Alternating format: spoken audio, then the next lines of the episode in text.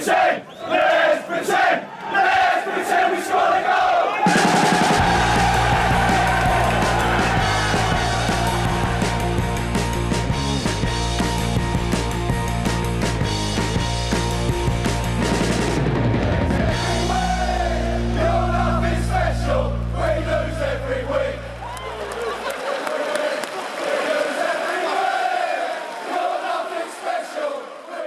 Ja, hjärtligt välkomna hälsar vi då till Sportbladets Premier League-podd måndag morgon. Eh, vi har landslagsuppehåll som hägrar, men eh, en, vad ska man säga, en halv omgång Premier League och eh, ett gäng kvartsfinaler i FA-cupen att gå igenom.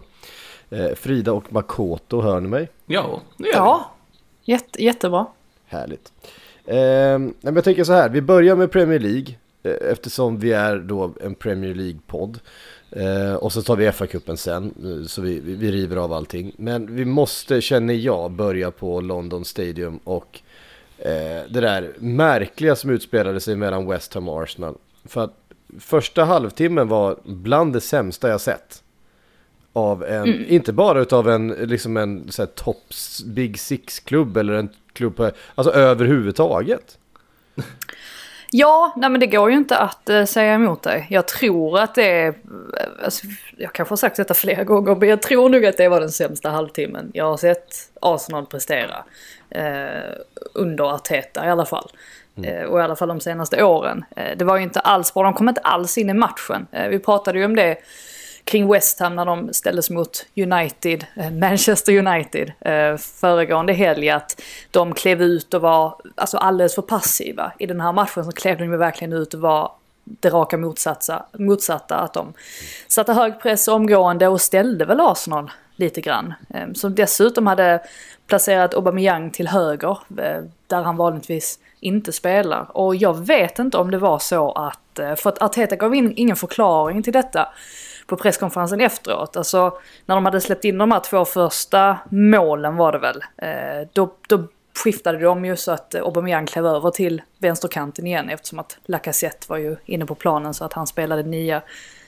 Men jag tror att det var så att Arteta ville att Aubameyang inte skulle behöva ställas mot eh, Sofal som ju har varit extremt bra och har haft i princip alla de här lite större stjärnorna i bakfickan när, eh, när de har mötts. Alltså Jack Grealish inte minst och Harry Kane också för den, för den delen. Så att eh, kanske att det var så att Arteta hade, ja inte övertänkt det, men att han försökte ge Aubameyang en lite enklare uppgift i att möta Cresswell istället för Sofal. Men det är bara min egen, min egen teori. Men ja, som sagt det första målet som Jesse Lingard gör är ju det är ett helt fantastiskt mål. Så att, att man släpper in ett sånt... ehm, ja, alltså det, det, det finns inte så mycket man kan, man kan göra åt det kanske. Bortsett då från att Arsenal hade varit väldigt passiva. Inte hållit i bollen eh, speciellt långa stunder. Men det andra målet är ju förstås, det är ju, det är ju, det är underbetyg så det smäller om det. Eh, Man står liksom och, och, och tittar i princip när, eh, när West Ham får med sig en, en frispark straff utan, strax utanför straffområdet. De lägger den snabbt, Bowen drar in eh, målet, det, det touchar väl på någon så att det ställer Leno lite grann som kanske borde ha gjort det bättre. Men oavsett så, att hamna i Ja, han borde ha 2-0. gjort det mycket bättre, han ska ju inte släppa in Det den där var ju liksom precis bredvid honom vid första stolpen liksom. Det, det borde han. Sen, Ja, precis. Men jag vet inte om det är någonting som alltså, gör att det, det, det ställer honom helt enkelt. Att, att eh, ja. Men, men jag håller ju med också. Jag, alltså Leno, Um, han har ju haft en, alltså, lite de tendenserna den senaste tiden att kanske, um, ja, alltså kanske inte göra så um, uh, väldigt bra ingripande alltid. Uh, men sen då att man dessutom släpper in det här Zuzek-målet i 32 minuten var det väl, till 3-0. Uh, jag förstår ju när Teta beskriver den här halv- halvleken, eller den första halvtimmen i alla fall, som en mardrömshalvlek för att ingenting gick ju som det var tänkt. Och det var intressant också att Lacazette i intervjun efter matchen sa att eh, han bad om ursäkt till Arteta och menade på att eh, spelarna inte hade följt matchplanen överhuvudtaget. Och eh, det är inte ofta man hör spelare säga den typen av saker. Men eh, ja, de fick ju ordning på det till slut i alla fall. Och otroligt nog så hade de ju faktiskt kunnat vinna den här matchen, vilket är helt sensationellt egentligen. För att den andra halvleken är ju riktigt, riktigt, riktigt bra. Eh, där egentligen, ja det är ju tre spelare som sticker ut. Eh, dels är det ju Martin Ödegård som gjorde sin bästa, sin bästa match i Arsenal tycker jag. Eh, han har ju varit lite Ibland tycker jag att han har en tendens att bli lite grann som Thiago, att han kanske bromsar in spelet lite för mycket. Men med tanke på andra halvlek utvecklade sig det här i att West Ham liksom valde att backa hem och försöka försvara den här ledningen mer. Um, och dessutom satt in Mark Noble som jag tycker är historiens mest överskattade spelare. Men ja, det, Martin det är bara Noble, jag. du kan inte vara så hård mot honom här. Jo, det, jag förstår inte, jag förstår jag inte, håller var, jag förstår inte varför man Jag sitter... håller faktiskt jag med förstår inte alls varför. Jag, han, han, ehm, alltså han ger ingenting på en fotbollsplan, tycker jag. Alltså varken defensivt eller offensivt. Så jag helt, jag förstår inte alls. Bowen hade kanske inte varit, varit jättebra, men jag förstod inte alls det bytet. Men ja, hur som helst så är det klart att West Ham har ju sina lägen och Antonio drar ju bollen i stolpen dessutom så att de hade ju faktiskt kunnat punktera matchen mycket tidigare. Fick dessutom en, en rad domslut emot det där ett tag där John, John Moss var, eh, var väldigt mycket på, på Arsenals sida. Eh, som, som inte heller gynnade dem. Jag såg att alltså David Moyes var ju inte jättenöjd kanske med, med Moss eh, sett över 90 minuter. Eh, men ja, Martin Ödegaard, han, han kommer till sin rätt där. Han får, han får slå de här rakare passningarna. Och han är ju helt fantastisk också i det här att han hittar dem. Eh, det, det var eh, en möjlighet där i slutet när Eh, han hittar fram med bollen till, till Pepe som mycket väl hade kunnat dra in segermålet då. Eh, man får inte riktigt ordning eh, på skottet. Men det var en sån passning som man kanske inte riktigt såg ändå. Man tänkte att han kanske skulle spela ut den mot Carantini istället på, på vänsterkanten. Men så väljer han att sätta den rakare passningen och det var ju exakt vad, vad Arsenal behövde. Sen var ju Lacazette också väldigt, väldigt, väldigt bra. Dels det här då att det är han som Ja, han gör ju egentligen två mål kan man ju säga eh, i matchen varav eh, det senare där, nickmålet. Det är ju ganska kul också att Aubameyang precis har gått av och att han kommer precis där vid, eh, vid målet när Lacazette nickar in bollen. Eh, och, och Lacazette springer raka vägen ut till Aubameyang och, och firar jättemycket. Eh, det var lite... Eh, Ja, eh, Aubameyang har ju inte varit så, han var, inte, han var aldrig så involverad under matchens gång som han var i det målfirandet eh, om man säger så. Det var ju därför han, han plockades av också. Sen var ju faktiskt Callum Chambers också väldigt bra. Och han blev ju utsedd till Man of the Match också eh, av Sky. Och eh, det var förståeligt, eh, vi pratade om, om vänsterkanten i, i derbyt mot eh, Tottenham som det som gav Arsenal segern. Men här var det ju faktiskt högerkanten som levererade. Eh, mycket tack vare Chambers som kom fram väldigt fint där. Så att ja, ehm, till slut så, så ja, räddar de ju en poäng. Men jag tror ju både att West Ham ser väl detta som en förlust lite grann. Att man alltså, släpper in göra. ja, släpper in Arsenal så totalt i matchen och sen så Arsenal då som, ja, som egentligen säkert hade vunnit denna matchen ganska komfortabelt om man bara hade vaknat till liv Det känns som att eh, omgående. Det känns som man fick se liksom bå, två sidor av West Ham, alltså både den här nya intressanta West Ham med en eh, på nytt född Jesse Lingard som uppfattar eh, sovande försvar och slår snabba frisparkar i djupet. Och det här West Ham som man känner igen som i ett sånt här läge gör två självmål och byter in Marky Noble. Det, det, det liksom så här, två världar möttes på något sätt i den här matchen. Så det var otroligt intressant tillställning på så sätt. Mm. Ja, och det, ja, men det, det är ändå så här remarkabelt hur ehm, Arsenal liksom inte kunde, de kunde inte få ihop tre passningar på egen planhalva. Alltså när de bara skulle rulla bollen mellan varandra mellan backarna så var det som att de, de, hamnade, de hamnade fel i allt de gjorde och bara hamnade i West Hams press som inte den var liksom genial på något sätt utan ganska, eh, ganska rakt. De behövde bara ställa sig mellan Arsenal-spelarna så visste de inte hur de skulle göra. att ändå liksom komma tillbaks därifrån. Och sen då att åka på den typen av mål som man gör först Lingards jävla eh, skott i krysset och sen stå och sova och sen så eh, eh, liksom 3-0 att ta sig hela vägen tillbaks. Det var eh, mycket märkligt eh, på många sätt men, men en eloge till Arsenal och lite sådär kanske att eh, West Ham fortfarande lider lite grann. Vi har ju sett det förut också att de inte kanske har Eh, de har inte riktigt vanan eh, att hålla uppe och rida på ledningar på det sättet och bara liksom köra över en motståndare. Utan de har ju också det lite bräckliga i sig, det lite liksom mentalt svaga i sig fortfarande eh, tycker jag West Ham, även om de eh, har väldigt mycket kvalitet på planen. Sen är ju 3-0 är kanske det nya 2-0, det här man brukar säga att det är ja, att det, det, är väldigt enkelt att man tappar en sån ledning. Jag tror att det har hänt tre gånger under säsongen nu. Att ett mm. lag har, har tappat eh, en 3-0-ledning, vilket ju är ja, jag tycker det är ganska anmärkningsvärt ja, äh, ändå att det har hänt tre gånger.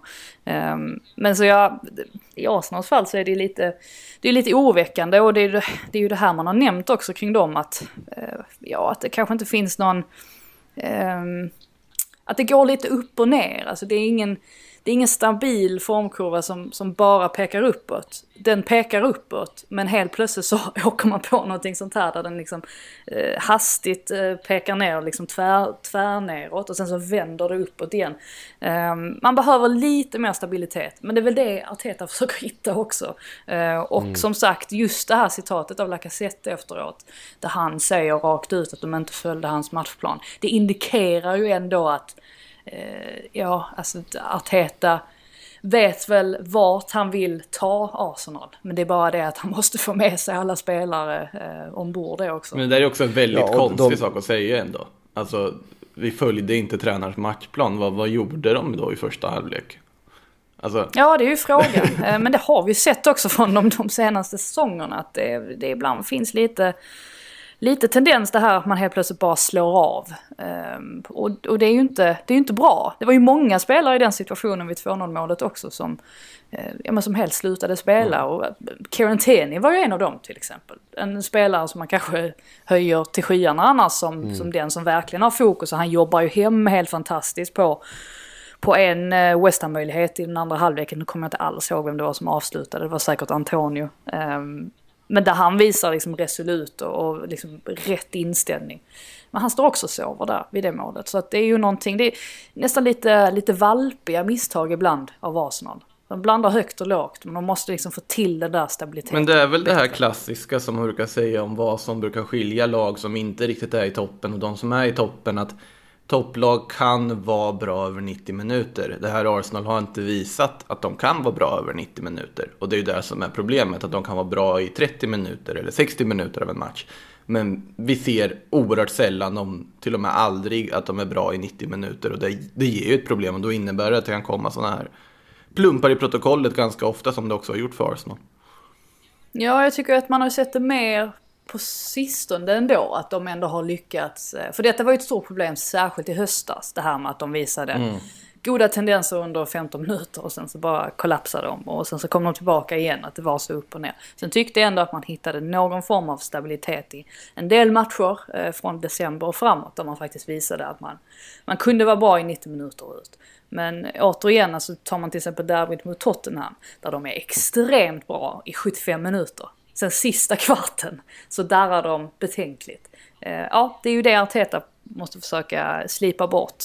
Eh, och eh, ja, vi får väl se om, han, om han lyckas. Ehm, det, det, det, får man väl, eh, det får man väl nästan anta att han kommer att göra. För att det, det känns ändå som att de tar steg framåt. Det är, bara, det är detta lilla sista som måste bort. Det är de individuella misstagen och de här schabbliga schabbliga misstagen som, ja, som måste bort för att de ska kunna bli ett mer stabilt topplag. Ja. Mm. Eh, oavgjort där och det var ju eh, antagligen många som eh, jublade eh, åt lite högre upp. Det är tight om de där platserna den här omgången. Det är ju, det är ju kul. Ett utav dem var Tottenham som tackade för att West Ham tappade poäng och som vanligt alltid tackar för att Arsenal tappar poäng. Eh, med att själv ta eh, tre tunga poäng i ett eh, pressat läge där José Mourinho har ryktats eh, vara liksom på vippen och få sparken. Ehm, det ja. finns... Eh, det har, det egentligen, har det egentligen ryktats om det? Alltså liksom konkreta uppgifter om att han skulle... Det är väl bara fansen som varit ute med högafflarna. Alltså... Ja, för att Daniel, alltså, Daniel Lev, Levi har ju, eh, eller Levi har ju, eh, han har ju inte riktigt uttalat, alltså det har ju inte kommit någon som helst uppgifter om att Mourinho skulle sitta, sitta osäker till. Eh, mm. Vilket eh, kanske en del tycker är fel, men, men så har det ju faktiskt varit att det har känts som att de ändå har hållit kvar vid Mourinho. Eh, egentligen främst av finansiella skäl eller ek ek ekonomiska skäl tror jag. Att det helt enkelt är för dyrt för dem att göra sig av med honom i, eh, i nuläget. Men fortsätt. Men Gareth Bale på bänken, Jominsson skadad, eh, en hel del rotation då förväntat eh, efter eh, debaclet i Europa League i, i torsdags. Men eh, två trygga noll mot Aston Villa och Harry Kane såklart i målprotokollet men även Vinicius. Mm. Första ligamålet. Ja, precis. Mm. Kommer in och visar att det finns, det finns mer anfallskraft eh, någonstans där bakom Harry Kane och Huminson. Ja, Ja, kanske Gareth Bale då eh, till viss del. Men eh, tre viktiga poäng. Det, var, det kändes som en, en lättad Harry Kane också. Han skrev på, på, eh, på sociala medier liksom hur det var. Eh, det är viktigt mentalt och så vidare.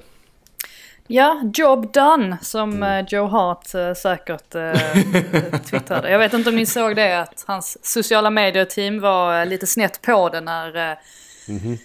Han har ju uppenbarligen ett team som sköter då hans Instagram. Och det i sig är ju anmärkningsvärt att Joe Hart har ett sociala medier-team. Nej, inte, inte egentligen. Joe Hart är väldigt, han är väldigt känslig för kritik och sådana saker. Särskilt på sociala medier. Eh, så att det här teamet har, jag kan tänka mig att de har skött hans sociala medier under väldigt lång tid just för att han ska kunna undvika att ta del av eh, ja, eventuell kritik då som kanske lätt eh, annars dyker upp i kommentatorsfält. Så jag tycker inte det är så förvånande eh, att just han har det ändå. Mm. Men det här teamet verkar inte vara sådär jätteuppdaterat om man säger så med tanke på att de twittrade efter matchen mot eh, Dinamo Zagreb, Zagreb där de ju tappade Ehm, en ledning och följ föll till slut. Job done. Eh, efter matchen. Eller postade på Instagram. Förutsatt att Spurs hade vunnit med 3-0 och inte förlorat med 3-0 mot Dinamo Zagreb. Man kan på något sätt förstå dem och det säger väl det mest om det resultatet också. Han fick ju, fick ju, ta, fick ju radera det inlägget såklart och sen så fick ju Joe Hart be om ursäkt då och eh, verkligen förtydliga att han inte gjorde narr av Tottenham. Eh, vilket ju var lite kul i sig. Men eh, nej men här gjorde ju Tottenham jobbet och ja, Carlos Vinicius han har gjort en massa mål i, i kupperna och sådär. Men mm. Eh, ingenting i ligan och det syntes ju också hur mycket det betydde för honom. Sen tycker jag att den spelaren som sticker ut egentligen är, är Lukas som eh, är väl en av de spelarna som, ja men det verkligen syns på honom att han, eh, han lägger ner 100% jobb varenda gång och att han, att han verkligen vill någonting. Eh, Ugo Juris hade ju ett väldigt intressant uttalande efter matchen mot Dinamo där han hintade lite om att det är interna stridigheter i, eh, i Tottenham. Vissa spelare som kanske inte lyssnar på instruktioner och kanske inte ger 100% och så vidare. Och lite anmärkningsvärt också att eh, José Mourinho när han skulle förklara varför Tanganga och Rodon kom in istället så pratade han lite om det här att han behövde spelare som var, som var hungriga. Så jag vet inte om vi kan dra några slutsatser utifrån det att det är kanske vissa spelare där i försvarslinjen som Mourinho inte är helt nöjd med. Eh, men som sagt en väldigt viktig trepoängare och Aston Villa har ju jätteproblem när de saknar Jack Grealish. Och eh, det är ju förstås oroväckande för deras del att de är så eh, beroende av en enda spelare egentligen.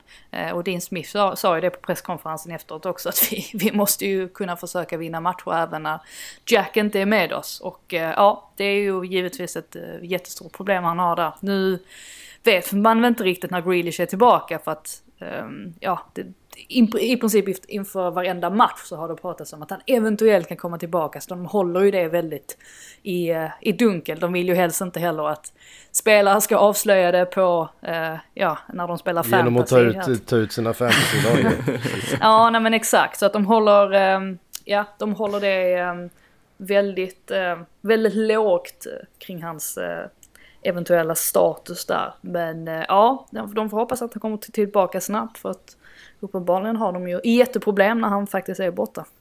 Ja, verkligen. Um, ingen... Uh, så här, ingen skönspelad match kanske man eh, skulle kunna säga, men, men som sagt eh, eh, viktigt också, Harry Kane var ju faktiskt ganska osynlig i den här matchen fram till situationen där, eh, där det faktiskt eh, blir straff och han sätter den. Ja, man kan ju prata lite om den straffen också för att ehm, det uppstår ju en del sådana situationer. Det var ju samma sak i, i eh, Tottenhams möte med Arsenal där när Lacazette drar ju iväg ett eh, helt uselt skott, alltså får ingen träff överhuvudtaget. Och sen kommer Davinson Sanchez och klipper honom. Och så blir det straff av det. Och det är lite samma sak här att Harry Kane, ehm, ja men han ser ju att, vem är det, Matty Cash är det väl som kommer farande mot honom. Och han, det, det känns ju som att det är ganska beräkneligt för honom att han, eh, han, han ser att Matty Cash kommer och han ser till att, att Matty Cash klipper honom. Och får straff på grund av det. Ehm, ja, alltså det, det kan ju diskuteras. Jag tycker väl ändå att gå en försvarare in på det där sättet, alltså det är så klumpigt. Och det går faktiskt att undvika att göra på det sättet. Så att I det här fallet så får ju Matt Cash skylla, skylla sig själv. Och jag tycker även att Davinson Sanchez fick skylla sig själv också i, i, ehm, i incidenten och i duellen mot uh, Lacazette. Ehm, men det är klart att det, det är ju beräkneligt idag av Kane.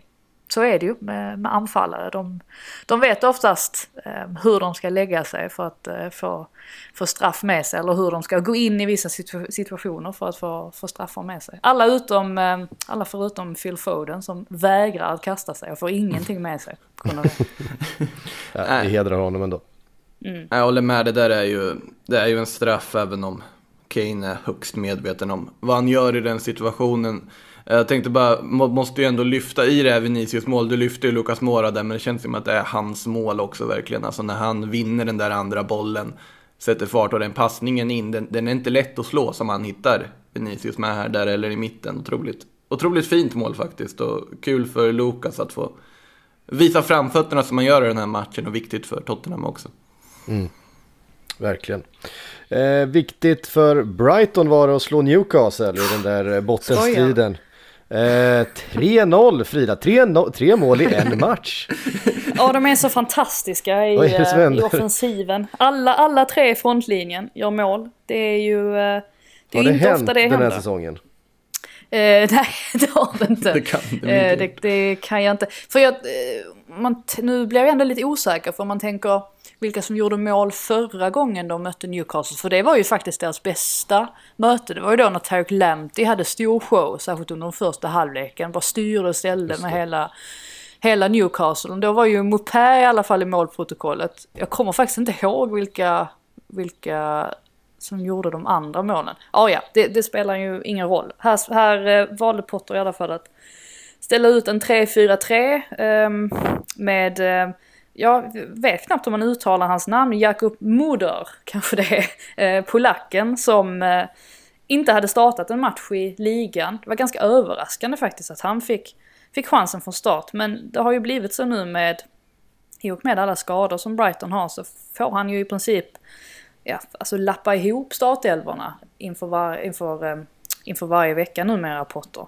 Eh, han gjorde en intressant grej också. Vi vet ju att Brighton har haft problem på, på hemmaplan. Vunnit betydligt fler matcher på bortaplan. Eh, och inför det här mötet så tog han, istället för att mötas upp på arenan, så tog han med hela laget eh, till ett hotell. Där de käkade, ja, där de, vad det nu blev, lunch ihop och jag hade matchgenomgång och så vidare innan de åkte vidare till arenan. Lite det här tror jag att man försökte få in att, ja men bortamatchkänslan. Eh, eftersom att den uppenbarligen har, har gett så bra, eh, så bra resultat. Och det funkade ju.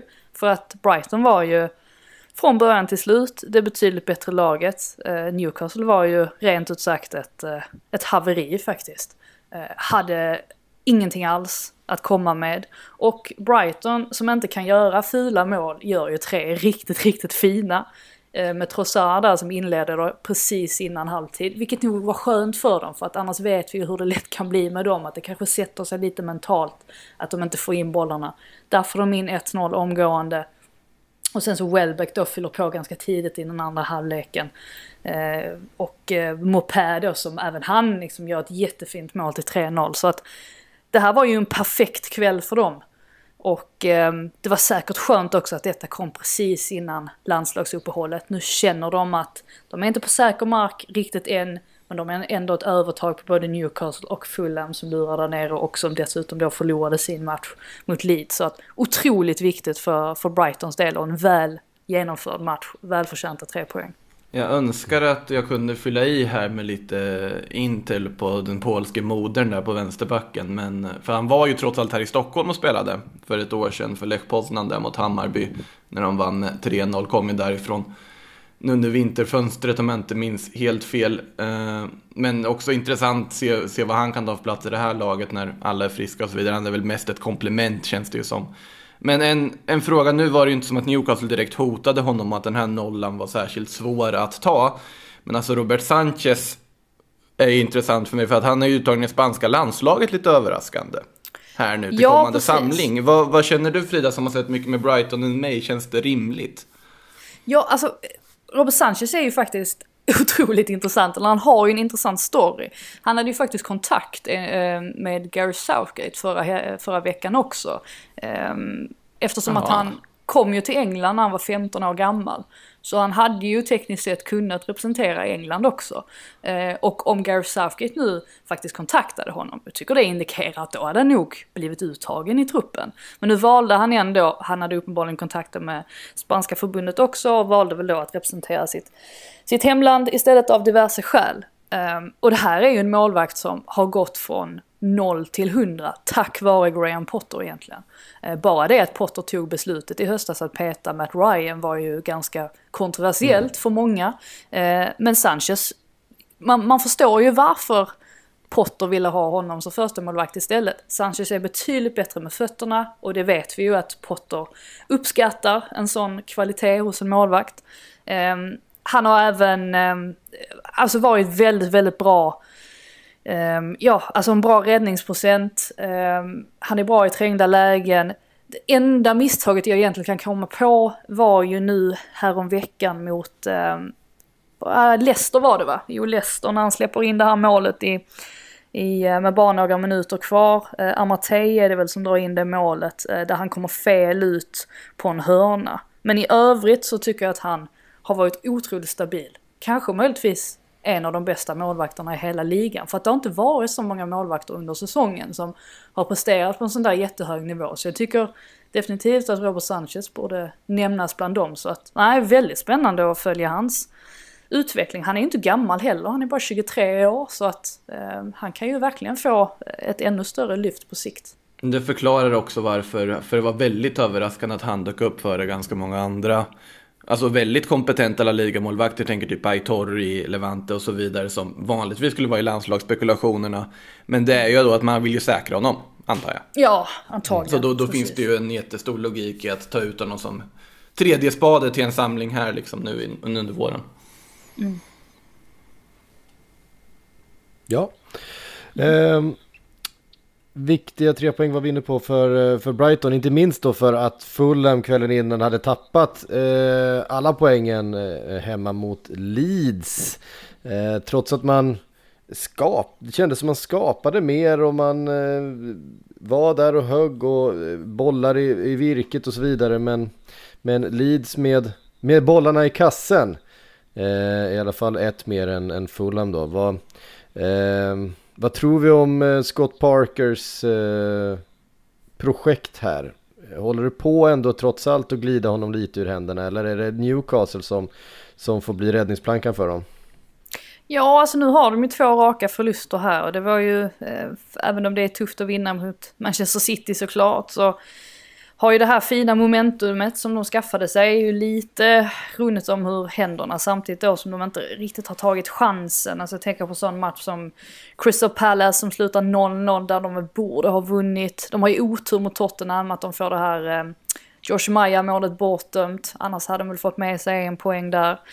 Såklart, det är fortfarande bara två poäng upp till Newcastle, men de har ju en match mer spelad också. Eh, så att det börjar ju bli lite tuffare. Jag tror nog på att de kommer få, hoppas att Newcastles kräftgång fortsätter. Eh, för Brighton, de lär väl ha skaffat sig så pass mycket självförtroende just nu att jag tror nog att de ska kunna fixa det ändå. Eh, så att ja, det är Newcastle de får sitta och hoppas på i så fall. Det är väl ändå någonting att kunna hoppas på. Alltså sett till. Alltså, det är ju... Ja, det det finns ju ser inte inte- många livstecken i det där laget just nu. Nej, de har ju inget trevligt facit. De får ju hoppas att spelare kommer tillbaka från skada. Ehm, för att det, ja, de här spelarna som ställer ut just nu, det, de kan inte göra så mycket. Eller de, ja, det, det, det finns liksom inget, inte speciellt många livstecken ut på planen. Och då med tanke på alla de här interna bråken som ja, har tapetserat ehm, tabloiderna också så känns det väl inte direkt som att det är sådär jättegod stämning i, i Newcastle just nu. Så att eh, ja, vi får se om de klarar sig kvar. Det är värt att lägga en påminnelse också här, om man ska titta lite framåt, att Fulham Newcastle möter ju varandra i den sista omgången. Den, Mm. Precis. Man, Så man sitter ju ju leva. ändå och hoppas att det, det ska bli lite av en sån här nedflyttningsfinal, om man ska kalla det, i den matchen. Det hade varit oerhört häftigt att få avsluta säsongen med en sån. Ja herregud. Det kan bli en sån där, eh, eh, vad, vad är det man brukar kalla eh, kval, eh, upp, miljardmatchen. Ja, Eh, Det kan bli en, en, en tidig miljardmatch, eh, de två lagen emellan. Jonjo tar ett rött efter 30. Herregud, det är ju liksom... Jonjo är ju en spelare man både vill och inte vill ha i en sån match. Ja, men precis. det, Så är det ju verkligen. Nej, det, det är bara att hoppas att eh, Fulham behåller någon form av momentum så att vi, och inte heller kanske springer förbi Newcastle utan att vi får den där spänningen till slutet. Och det hoppas väl alla förutom de som håller på Fulham och Newcastle. Men äh, det hade varit häftigt. Säger vi om eh, matchen då. Patrick Bamford inledde målskyttet och Rapinha avslutade det. Det var eh, ändå ett lead som fick kriga rätt hårt för den här segern. Ja, Fulham hade väl ett eh, litet momentum där precis innan halvtid. Men i övrigt så de kunde inte riktigt hantera Leeds intensitet. Eh, Leeds skapade bättre målchanser. Eh, så att ja, ett eh, tungt resultat för, för Fulham givetvis. Eh, och återigen det här med att Ja, att man, man tappade läget lite grann och man hade läge här att eh, haka på. Eh, men samtidigt så, ja, Leeds fortsätter att göra det de är bra på också. Och eh, ja, elfte plats från nykomling med 39 poäng. Det är ju, det är ju faktiskt riktigt eh, imponerande får man säga. Och jag tycker ju också att Rafinha har varit en fantastisk värvning för deras del. Eh, Kanske till och med eh, säsongens bästa värvning. Eh, jag vet att det är många som kommer påtala att Ruben Diaz har spelat en väldigt stor roll för Man City. Eh, men Rafinha, jag tycker att han, han har... ehm, Ja, jag tror att eh, det är mycket tack vare Rafinha också som det har gått så bra för Bamford. Sett, eh, alltså under en lite, lite längre period här. Eh, ja, jag tycker helt enkelt att Rafinha har extremt fina kvaliteter som spelare. Han passar väldigt bra in i det här laget också. Det gör han utan tvekan. Ehm, det var eh, alla matcher som eh, vi hade faktiskt från Premier League den här eh, veckan. Det var bara fyra.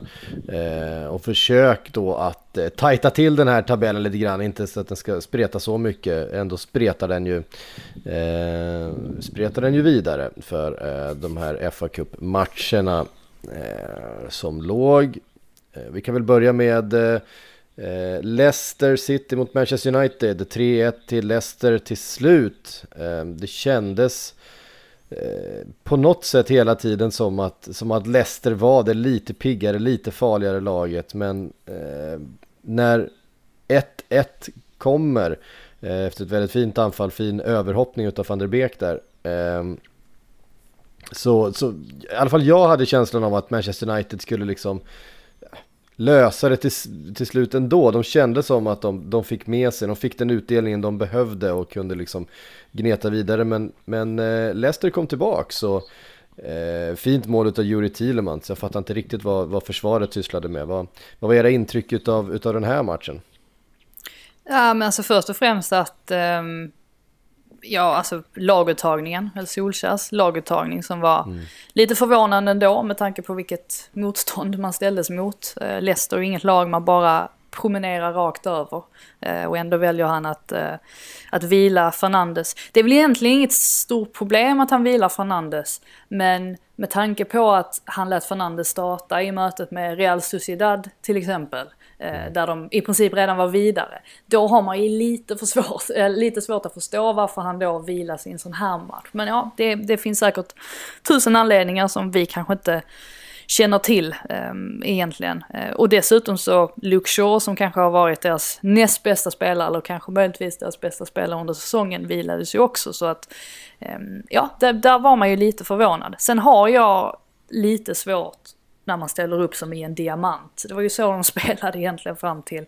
Han ändrade ju strax efter, eh, strax efter Leicesters 1-0 mål för han förstod ju att det, det skulle inte funka att, att spela på det sättet. Um, för att det gjorde ju att, det är ju väldigt enkelt när ett lag spelar en diamant för det andra laget om de är tillräckligt skickliga på kanterna att kunna exploatera detta. Och det, det gjorde ju Leicester gång på gång med hjälp av Castagne och Albrighton. Alltså skicka, skicka ut bollen till dem så var ju Manchester Uniteds ytterbackar tvungna att, att kliva lite högre och då var det helt plötsligt hur mycket ytor som helst. Så att där sköt de sig själva lite grann i foten.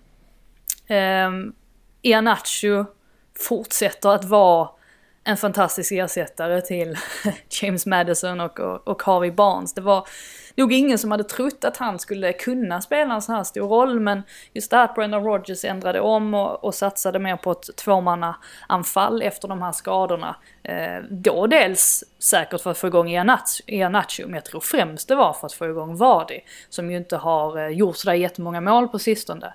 Det har blivit lite tvärtom att Vardy är ju ett väldigt bra komplement till Ianacho och eh, skapar chanser till honom. Sen hade ju Vardy en jättemöjlighet där i andra halvlek var det väl, där han missade så han är väl inte 100% sitt, eh, sitt vanliga jag. Men nej, de två kompletterar varandra väldigt eh, fint så jag tycker ju att summa summarum så vinner ju Leicester väldigt välförtjänt.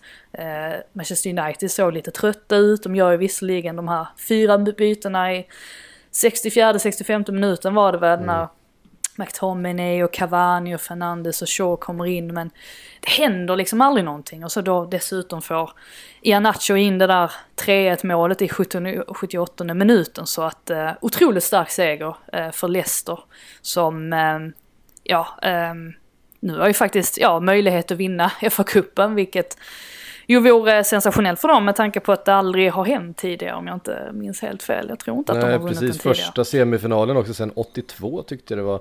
Det var ju Ja. någon som skrev, som skrev i fråge, frågelistan här. Eh, Adam Westfält, vi kan väl plocka upp den då. Lyft lite FA Cup, Leicester spelar sin första semi sedan 1982 och har aldrig vunnit kuppen. Är det deras år i år? Man, Ja, man får alltså, väl hålla en okej. liten extra tumme då för, för Leicester. Ehm, Ja, ja, de fick en rätt tacksam lottning i att de fick Southampton i alla fall.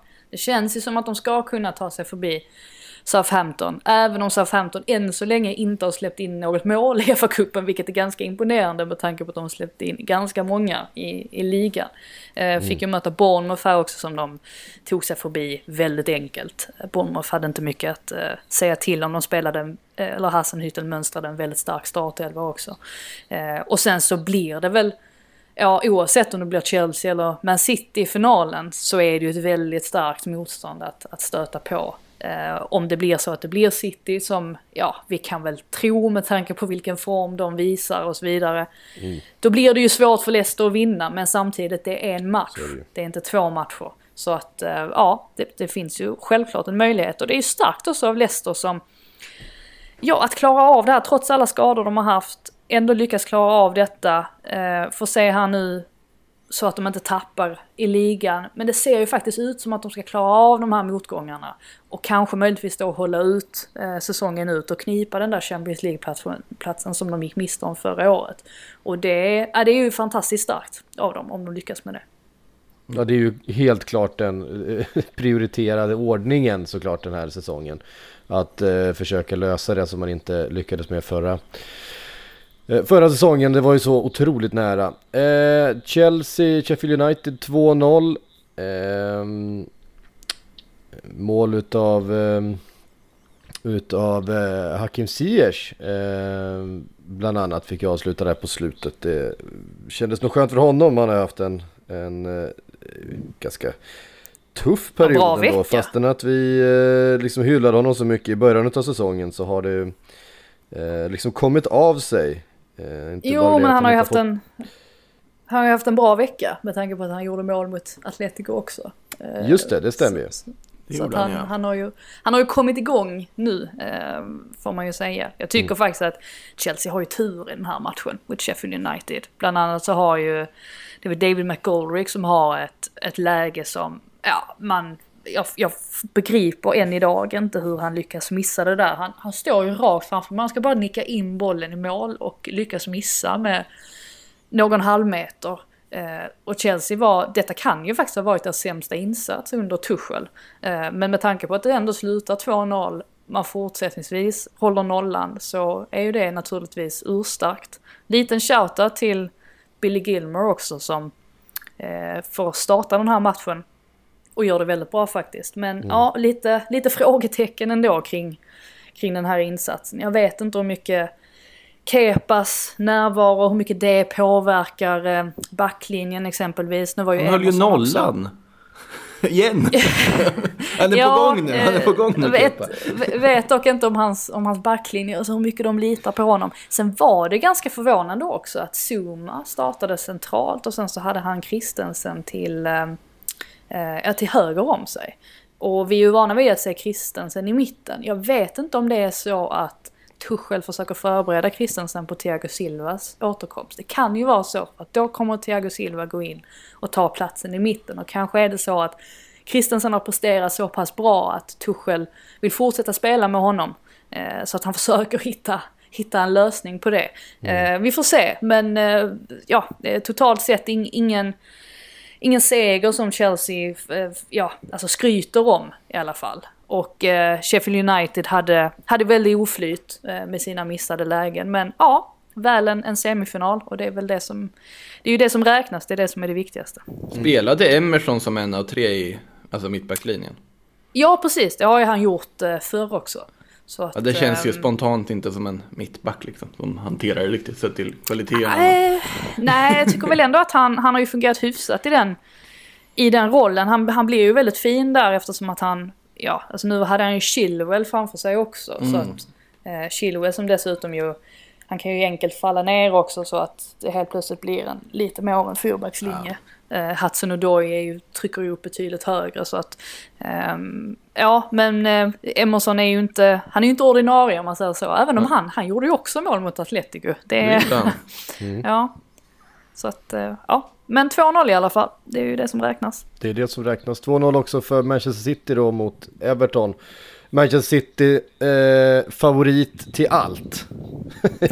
är känslan just nu när man... Eh, det, det är liksom... Det känns enkelt för Manchester City att vinna fotbollsmatcher. Ja, nej men så är det och här. Visst det var 0-0 Förber- jättelänge här va men... Ja, och sen så var det ju så att Alltså Everton bestämde ju sig omgående att här, här kommer vi ge upp bollinnehavet och bara fokusera på att inte släppa in ett mål de 20 första minuterna så att vi ser till att hålla oss kvar i matchen. Och det gjorde de ju också. Eh, och sen till slut så, så kan de inte stå emot. Eh, tycker lite synd om Virginia där, tredje målvakten som har fått ställa sig i mål eh, nu sedan både Pickford och Robin Olsen är, är skadade.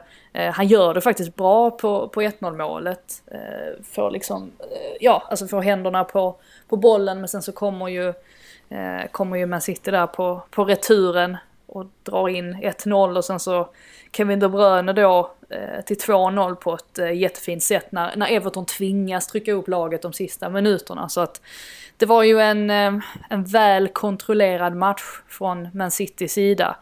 Och eh, ja, man har ju svårt att se att någon egentligen ska kunna rå på dem. Nu kan de ju vinna de kan ju vinna trippen och de kan ju till och med vinna Champions League också så att eh, de har ju alltid i egna händer just nu och det är ju remarkabelt egentligen när man tänker på ja men alltså var de stod i oktober. Att vi började prata om att Pep Guardiola är slut och att han ska lämna Men City. Att liksom, eh, ja, en, en, en era är till ända. Och det var ju lite grann så att en era, en era tog slut. Men istället så inledde Guardiola en ny era med ett ny sorts, eh, sorts tänk och ett nytt sorts lag egentligen på rätt många sätt. Och eh, ja, de är ju sådär dominanta igen, läskigt dominanta som, som vi såg eh, de vara för ja, två säsonger sedan. Jag gillar ändå att du säger att de kan vinna trippeln och Champions League. Väldigt Ja, fin ja, men det är inhemska. Ligacupen Ja, går in i den trippeln. Nej men jag tänkte först på, på trippen och sen så kom jag på att just det, det finns ju en turnering som heter Champions League också som jag tror att de är ganska intresserade Det är av det som att är trippeln. finna. C- C- CL, liga och cup. det är det som är riktiga Ja. trippeln. Ja, nej men det, det är sant. Det är sant. Eh, och det är väl det är ju såklart den turneringen de, de vill vinna. Eh, de har ju rätt så mycket att bevisa i Champions League. Men de har ju de har ett bra läge ändå eh, här mot eh, Dortmund. Så att eh, vi får väl se om de lyckas eh, bryta den förbannelsen. Jag tror ju det blir stopp mot Bayern München, ja. Men vi får väl se vad som, vad som sker där. Mm. Otroligt spännande oavsett. Ehm, vill vi säga någonting mer om vi nämnde Southampton, eh, Bournemouth där. Ehm, vet inte om... eh, Ja, ställer upp en, en jättestark startelva ju, eh, Southampton. Och eh, det, där ser man ju klasskillnaden. Eh, Nathan Redmond, tvåmålsskytt va? Om jag inte minns eh, helt fel. Jajamän. Så att, ehm, ja, alltså en stabil seger för Southampton då som ehm, eventuellt kan ju reda upp säsongen här lite grann. Med tanke på att det inte har sett så här jättebra ut de senaste månaderna i, i ligan så eh, ja, det är väl klart att en, en fa Cup-titel skulle ju eh, def, definitivt eh, fungera som eh, Ja, alltså en, en ganska bra eh, tecken på att man ändå har lyckats åstadkomma någonting eh, under säsongen och inte bara har halkat efter i ligan som de nu har gjort. Mm. Ehm, det var matcherna som spelades i, i helgen det. Vi tänkte vi skulle säga någonting om det landslag som Gareth Southgate har plockat ut till, till eh, ehm, landslagssamlingen här och vad det säger inför, inför eh, EM i sommar och så vidare. Eh, vi kan bara titta, målvakterna är inte så mycket. Ja, det är klart, eh, Pickford ska ju in där eh, istället för Sam Johnston då som är uttagen istället för annars kommer det vara Dean Henderson, Nick Pope och eh, eh, så som kommer vara uttagna. Det är inte så mycket kanske att, att fundera på, som sagt Pickford ska in där. I försvaret, en sak som retade upp många Liverpool-supportrar var ju att Alexander Arnold inte var uttagen till exempel. Har ju haft en eh, lite svajig säsong även om eh, formen väl har känts eh, ändå som den är på väg tillbaks under senaste månaden. Eh, hänger han löst inför EM också tror du Frida? Eh, jag var faktiskt inte alls förvånad eh, av det här beslutet. Jag tyckte det var väldigt väntat. Och, och innan, innan liksom Liverpool-supportrar angriper mig fullständigt så måste man ju komma ihåg det här att eh, det är väl klart att det hänger väldigt mycket på hur man presterar i sitt klubblag under säsongens gång. Men det hänger ju också väldigt mycket på hur man presterar i landskamperna. Och om man tänker efter så, Alexander Arnold har inte gjort sådär jättemånga bra landskamper för England. Alltså jag, jag tror ändå att man kan räkna dem på en hand. Nu är det väl klart att man kanske, det är säkert vissa insatser jag glömmer bort och så. Men därför var jag inte speciellt förvånad eh, över det här beskedet. Med tanke på då också att det finns ganska många andra spelare på de positionerna. Det som förvånade mig däremot var ju Southgates kommentar till varför han inte plockade ut honom. Att det berodde på att han hade varit så mycket sämre eh, nu på sistone, att han hade tappat och så vidare. Jag tycker väl ändå att Alexander Arnold har ju ändå, alltså han har ju steppat upp de senaste veckorna. Han har ju inte varit så bedrövlig som han var inledningsvis på säsongen. Så Nej. därav kanske jag tyckte att det var konstig timing på hans uttalande. Men jag vet inte om det är så att Southgate kanske vill eh, ja, men motivera honom lite extra. Eh, att eh, kämpa ännu hårdare, träna ännu hårdare. Ehm, och just det här också att han höjde Reece James så mycket till skyarna också. Alltså jag tycker Reece James har varit, eh, alltså fram till egentligen, ja men kan det ha varit slutet av november, början på december, så tyckte jag att Rhys James var fantastiskt bra. Eh, och möjligtvis liksom hela, en av ligans bästa, absolut bästa högerbackar. Sen tappade han lite grann och han har ju faktiskt inte hittat rätt helt och hållet under Tuchel. Och det är ju främst för att Tuchel ofta spelar med en trebackslinje såklart. Så att han inte kommer till sin rätt på det sättet. Men jag tycker att även Reece James har brister i sitt defensiva spel. Någonting som man kanske döljer ibland just på grund av sitt, um, sin storlek. Att han ser ganska fysisk ut och han ser ganska fysisk ut när han kliver in på motståndare också. Men jag tycker faktiskt att det finns brister i hans defensiva spel också. Så att, um, ja, det var några grejer i, i, i Southgates uttalande kanske som jag, eh, jag förvånades lite av, men jag var inte överraskad av själva beslutet. Så eh, vi får väl se hur, hur Trent Alexander-Arnold reagerar på detta nu. Jag menar Liverpool är inte ledsna över att Att han inte ska spela i- Alexander Arnold. Nej, det är ju skönt, de tycker det är jätteskönt att slippa det. Det är säkert många supportrar som tycker det är jättebra att eh, Alexander Arnold stannar hemma. Men jag tror för hans egen del så vill han ju såklart spela EM. Så att nu gäller det ju verkligen att han visar framfötterna här de sista månaderna. Så att han övertygar Southgate om att han ska ha en plats. Men alltså först... Det, det, ja. det är ju lite, lite, eh, det är lite delade meningar just nu det här med EM för det har ju kommit uppgifter om att Van- van Dijk gärna vill spela EM. Eh, och han kommer ju antagligen vara spelklar ungefär till EM. Ja, just det. Ehm, och Liverpool och Klopp vill ju såklart inte att han spelar ett EM efter att ha missat en hel säsong i stort sett med, med eh, sin knäskada. Att det första han ska göra då är att kastas in i en miljö där, där Liverpools eh, fysioteam inte har någon kontroll och där han kanske ska in och spela halvskadad eller med en känning för att det är, det är mycket känslor och så vidare. Eh, så att eh, enligt, enligt uppgifterna så ska ju van Dijk själv vilja spela Eh, EM. Men att Klopp ska ha sagt åt honom att han inte vill att han ska spela såklart. Så att det finns en liten... Eh, sen har ju Klopp en tendens att låta spelarna göra som de vill.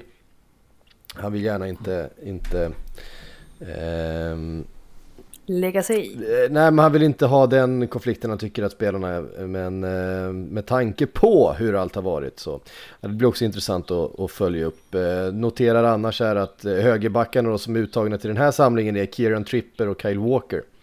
Och Reece James. Och Reece James, ja. Precis. Och Reece James. Eh, han är inte Och det är när man med på det. ser dem- Reece James är inte med på... Jo, där är han. Förlåt. När man ser de här namnen, det är ju då man också inser varför det är logiskt att Trent Alexander-Arnold stannar hemma. För alla de här tre har gjort bättre säsonger än vad han har gjort. Och är alla liksom högerbackar av väldigt hög nivå. Sen tror jag att Trent Alexander-Arnold har en helt annan högsta höjd. Vilket gör att jag tror att han kommer vara med i en EM-trupp. Men det är också ett läge här i sådana här matcher mot San Marino, Albanien och Polen som väntar att faktiskt ge Reece James chansen till exempel och visa upp vad han faktiskt kan göra i ett landslags, eller landslagssammanhang. Så eh, jag, jag, ser en, jag ser också precis som Frida logiken i att Trent får stanna hemma men jag tror nog att i, till EM så är han nog tillbaks, är väl min gissning i alla fall. Får ju får inte glömma bort att Kyle Walker var ju också utanför um, truppen. Var inte sådär jättelänge sedan som inte han Nej, fick följa med. Mm. Eh, så att det är ju inte, det är inte så att det är någon av de här spelarna som har en given plats. Alltså all, alla kan tappa den. Eh, sen är det ju lite kul det här med att när Kieran Trippier var med i truppen istället. På tal om det här Makoto, att engelsmän att de inte håller koll på La Liga eh, speciellt eh, mycket. Att det var många som kritiserade att Trippier var med i truppen. Och det kan man ju inte riktigt förstå.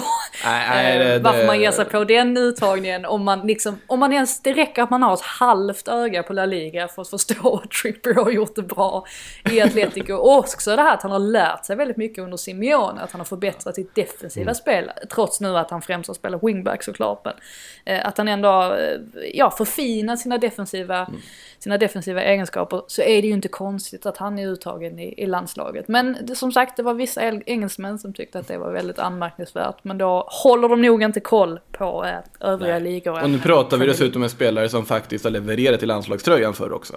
Ja, det är Så så. det är Absolut. inte- Ja. Eh, nej, och så är det ju också här att Satke spelar ju ett väldigt specifikt system. Där, där, eh, där finns det ju verkligen eh, liksom en ganska naturlig plats för Trippier just nu.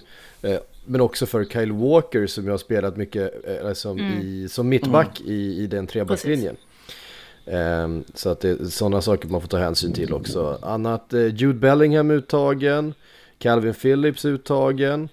Jesse Eh, Lingard. Jesse Lingard uttagen efter, ja, vet inte, det, är, det är några år sedan som han var med i landslaget. Ja, det Välförtjänt. är ju sen VM, Välförtjänt. VM 2018 väl. Ehm, Så det är ju, nej men det är ju verkligen väldigt, det är egentligen häftigt att se. Eh, med tanke på att det var nog rätt många som räknade med att Jesse Lingard var slut nästan.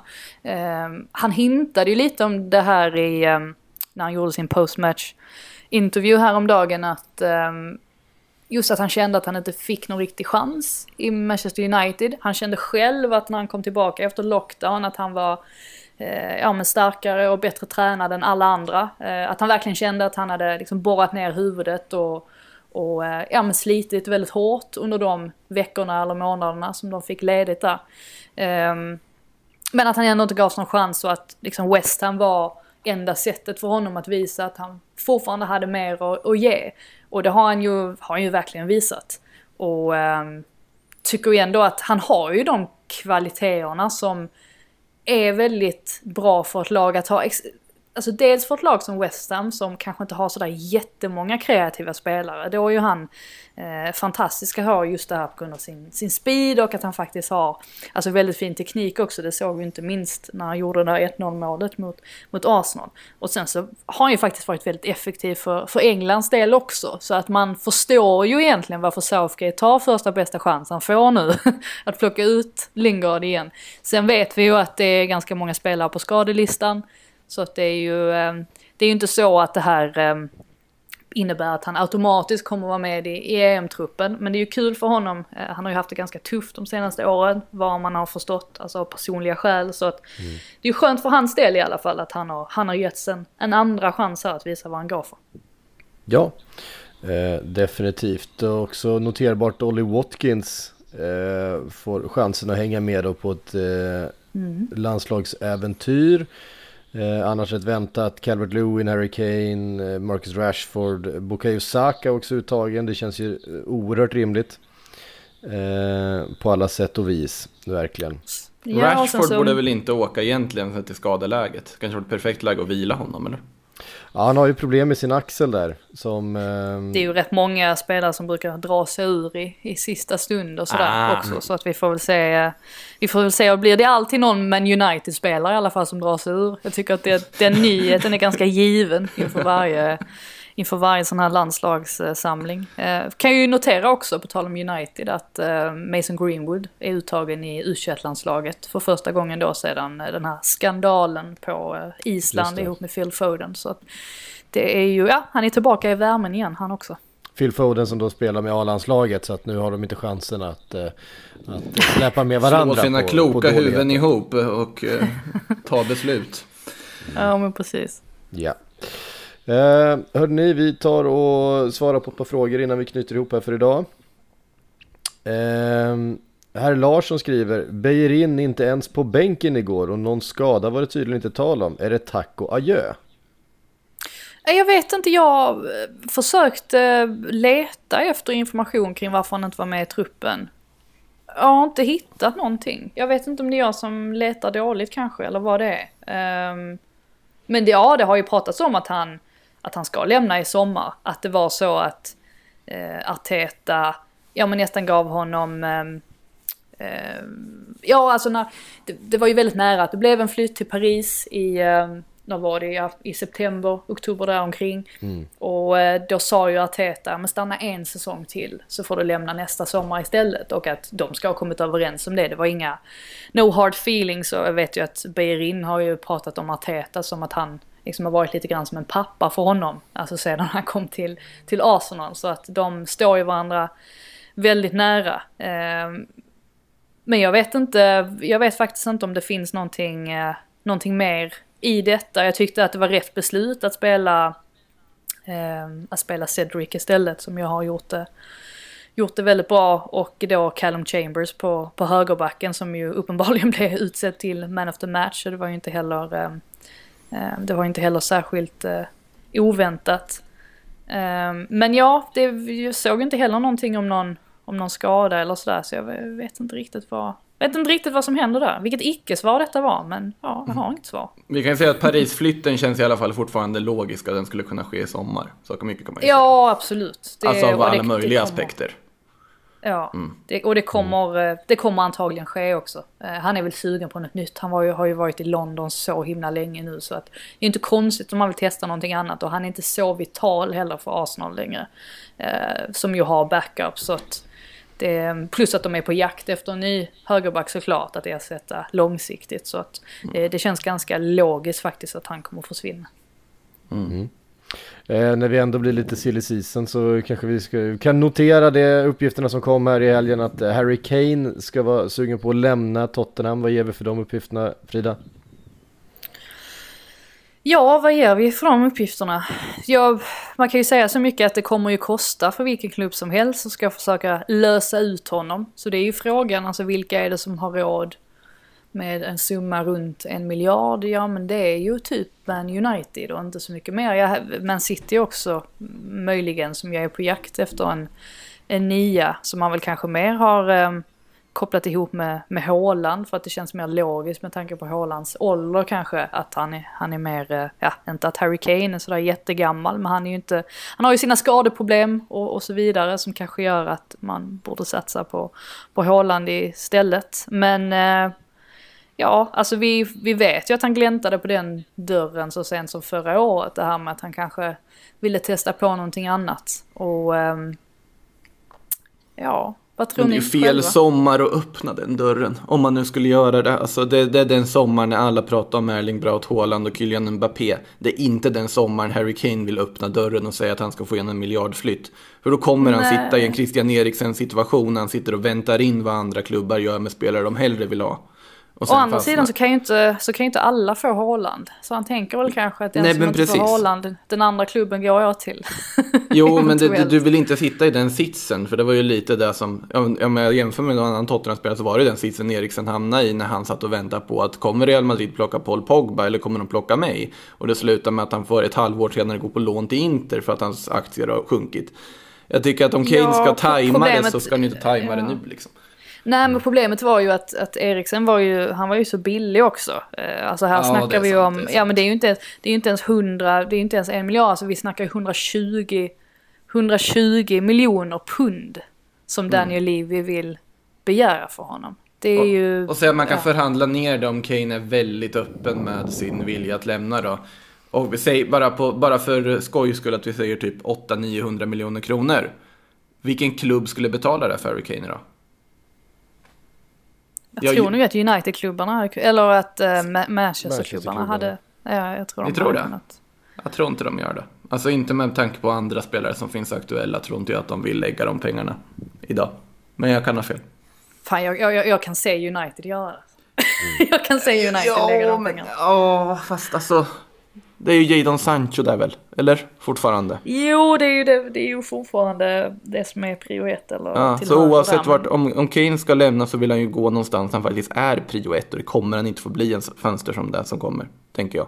Men sen, Nej, sen jag- kan man ju inte också- sitta och titta på vad andra spelare gör bara och bedöma sin karriär utifrån det såklart. Men Nej. Ja, Jag har också svårt att se det hända och det är ju just för att man vet hur Livie är också. Alltså han Mm. vill inte ens släppa Dele Alli på lån trots att han knappt fick spela. Ja. Alltså han kommer ju hålla jättehårt i Harry Kane. Så just därför så känner man att han kommer säkert inte gå ner i prisen vet man ju att Tottenham har haft lite ekonomiska problem, det har ju alla klubbar haft. Men att Tottenham har haft det kanske extra mycket i och med att de har Tottenham Stadium som, som blöder lite grann eftersom de inte eh, fick in de pengar de hade tänkt sig för eventuella evenemang förra sommaren. Så att vi får väl se hur det, får väl se hur det slutar där. Eh, Men jag tror inte att det är omöjligt att vi ser Kane flytta på sig. de kan sälja Kane till banken. De har väl något lag, som liksom representationslag eller något. De behöver väl betala tillbaka det lånet också. Ja, who knows? Eh, vi har fått fler frågor här. Det är mycket frågor om det här med att eh, spela från, eh, eh, spela sig ur trängda situationer i backlinjen. Eh, dels Krönke Out skriver, bör Arteta slopa idén att spela ut bakifrån eller Leno uppenbarligen inte klarar av det. Mattias Johansson skriver, varför envisas med att man med att alltid försöka spela sig ur trängda situationer? Varför sätter Maguire Fred i den situationen till exempel? Har sett eh, Pool och United åka på fler baklängesmål på grund av det. Vad är det för fel på en hederlig tjong? Som min gamla tränare Börje brukade säga, ta en höjdare. Blackpool. Eh, Nej men... Eh, eh, eh, Ja men just det där med Leno är lite intressant för att jag vet att när, när Xhaka gjorde den här eh, jättemissen för några veckor sedan så, så twittrade jag, det var väl mot Burnley va? Ja.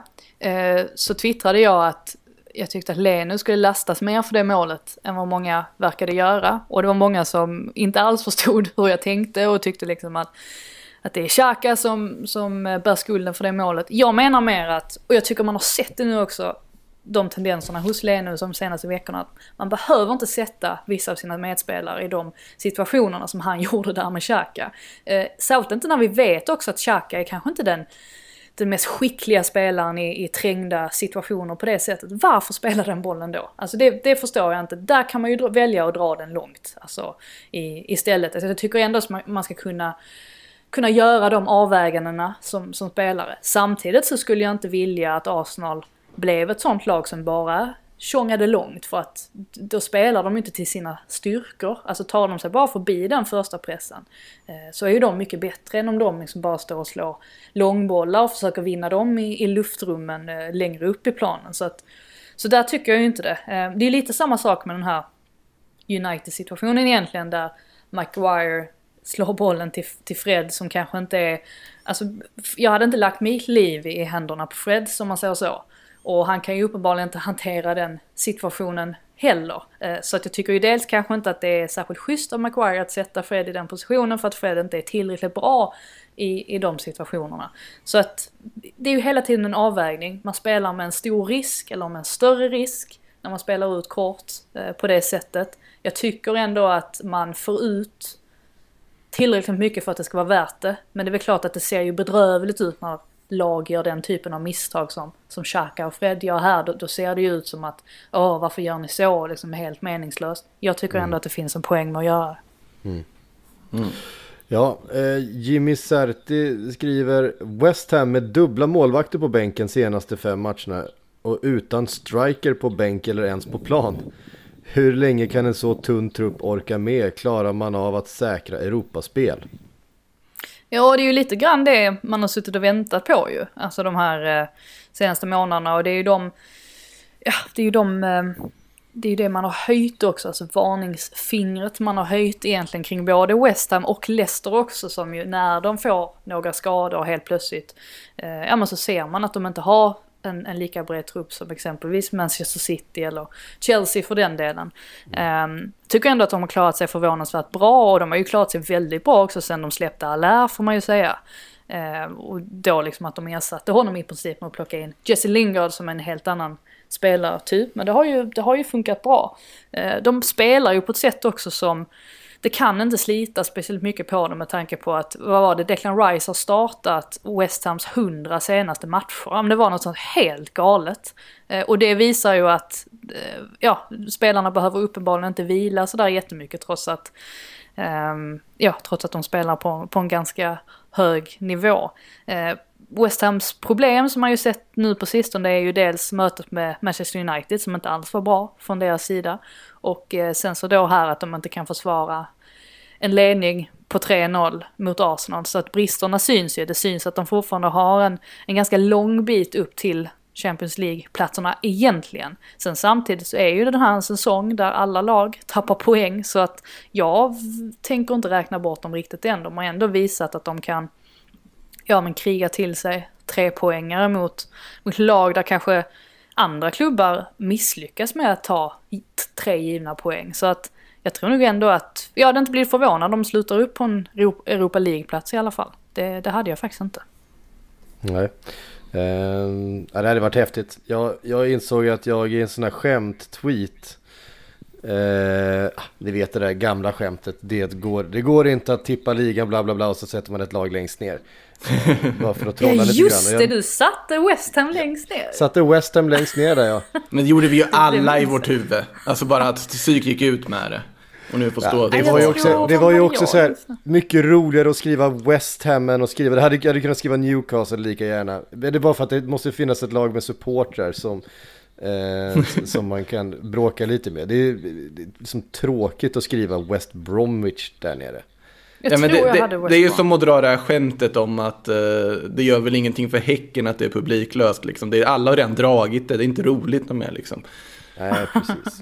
Nej, men jag, vet, jag, hade, jag, hade, jag hade inte Western som sist i mitt, i mitt tips som jag kom med sen, men, men jag hade dem nog på nedflyttningsplats. Eh, och ja, det de har gjort är ju verkligen helt makalöst. Mm. Och det, det kom ju där i, i, och vi var inne på det för någon podd sen. Eh, men just när var de här interna bråken, Eh, det fanns liksom, ställdes frågetecken runt eh, David Moyes, det hade liksom inte gjorts tillräckligt mycket tyckte man på, på marknaden, vilket var befogad kritik. Ingen hade kunnat förvänta sig att det laget som fanns, och framförallt de spelarna som, verk, som kom in skulle göra det avtrycket som de har gjort. Eh, och kanske framförallt de spelarna som kom förra januari, eh, Zuzek främst. Eh, jo, eh, har gjort ett Och slå ett, slå ett slag för Sufal också, min favorit. Ja, Sufal. Alltså Gör de åker till det? Tjeckien och, och, och shoppar, shoppar klassspelare. Det, Mm, precis. eh, Och med är det i åtanke- 90-talet. Och med det i åtanke så ser jag ju oerhört mycket fram emot Arsenal mot Slavia Prag i Europa League. För där tror Det är jag att obehagligt. den ska vi inte räkna hem till det engelska representationslaget där i alla fall. Får ju hoppas dock att eh, det inte kommer förekomma några anklagelser om rasism som det gjorde här i, i Slavia Prag. Ja, det får vi sannerligen hoppas. Det får vi sannerligen hoppas. Verkligen. Bra, bra hörni. Det var allt vi hann eh, den här måndagen. Nästa vecka får vi väl ta ett tag eh, lite extra då på landslagsinsatserna, blicka framåt mot EM och så vidare. Eh, men eh, Sportbladets Premier League-podd är i alla fall tillbaks då. Eh, tack Makoto och Frida för att ni var med. På återhörande.